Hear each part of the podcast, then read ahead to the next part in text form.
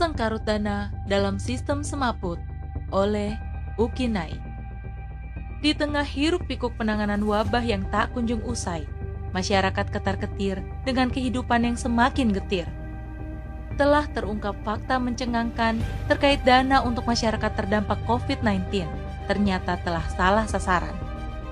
Fakta ini ditemukan oleh Badan Pemeriksa Keuangan terhadap Badan Produktif Usaha Mikro dan Program Indonesia Pintar. Dikutip dari laman tirto.id, Badan Pemeriksa Keuangan menyatakan penyaluran bantuan produktif usaha mikro yang dilaksanakan Kementerian Koperasi dan UKM dalam rangka penanganan dampak COVID-19 tidak tepat sasaran.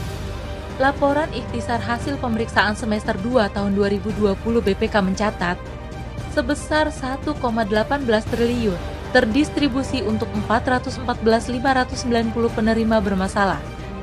Penyaluran dana yang tidak tepat sasaran ditemukan dalam rincian berikut.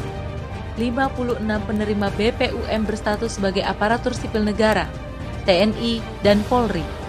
2.413 penerima BPUM dengan NIK yang sama menerima bantuan lebih dari satu kali. 29.060 penerima BPUM bukan usaha mikro 144.802 penerima BPUM yang sedang menerima kredit atau pinjaman perbankan, 25.912 penerima BPUM sedang menerima kredit atau pinjaman KUR. 207.771 penerima memiliki NIK yang tidak sesuai dengan database Dukcapil. Dan 8.933 penerima sudah meninggal dunia.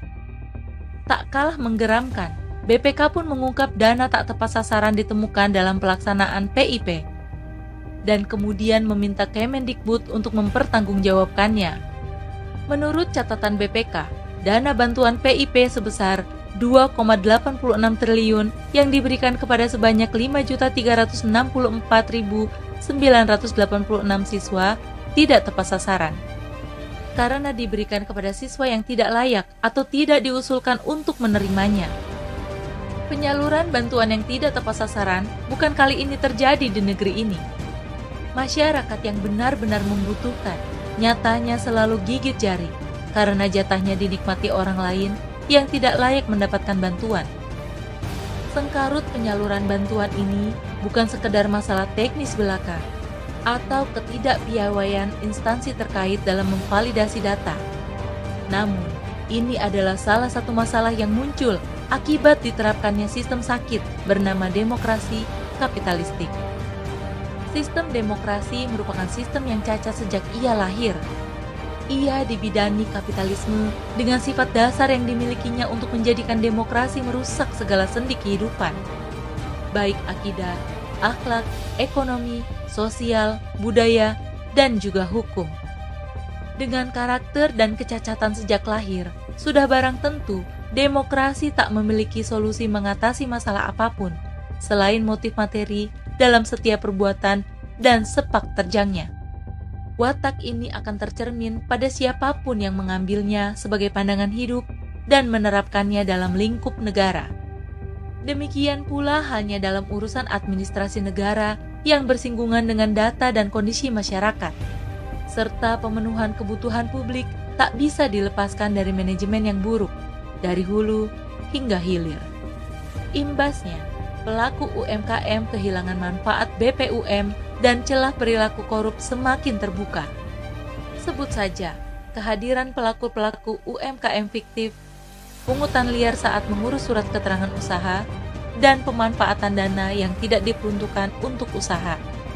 Lebih dari itu, dana yang diperuntukkan untuk rakyat malah berputar di pengusaha dan birokrat sebagaimana program Kartu Kerja dan Indonesia Pintar.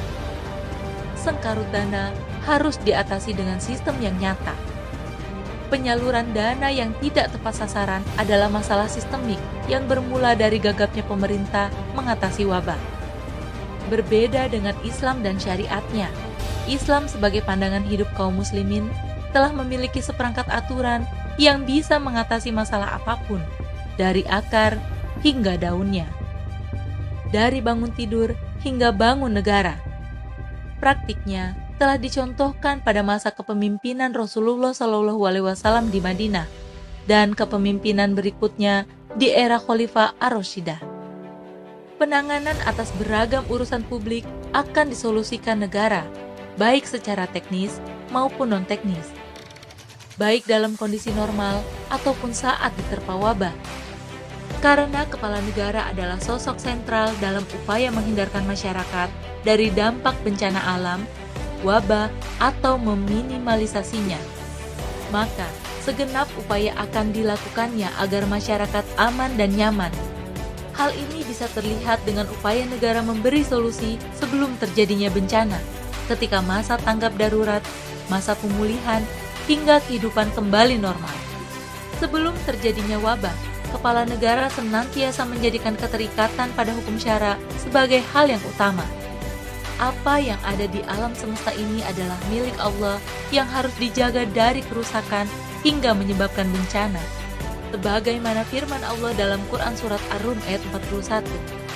Jikapun bencana akhirnya menimpa, kepala negara bersama rakyatnya akan menjadikannya sebagai ujian dan muhasabah. Demikian pun saat terjadi wabah, kepala negara akan bersegera melakukan beberapa langkah di antaranya lockdown secara syar'i, social distancing melalui pemisahan yang sakit dan yang sehat ke tempat-tempat tertentu agar virus tidak menyebar, melarang siapa pun agar tidak mendekati yang sakit, melarang masuk dan keluarnya warga dari area terdampak wabah. Terlebih lagi, warga di luar negara Hal ini pernah dilakukan oleh Rasulullah saat terjadi wabah lepra. Masa tanggap darurat akan dilakukan negara melalui penerapan 3T, tracing, testing, and treatment.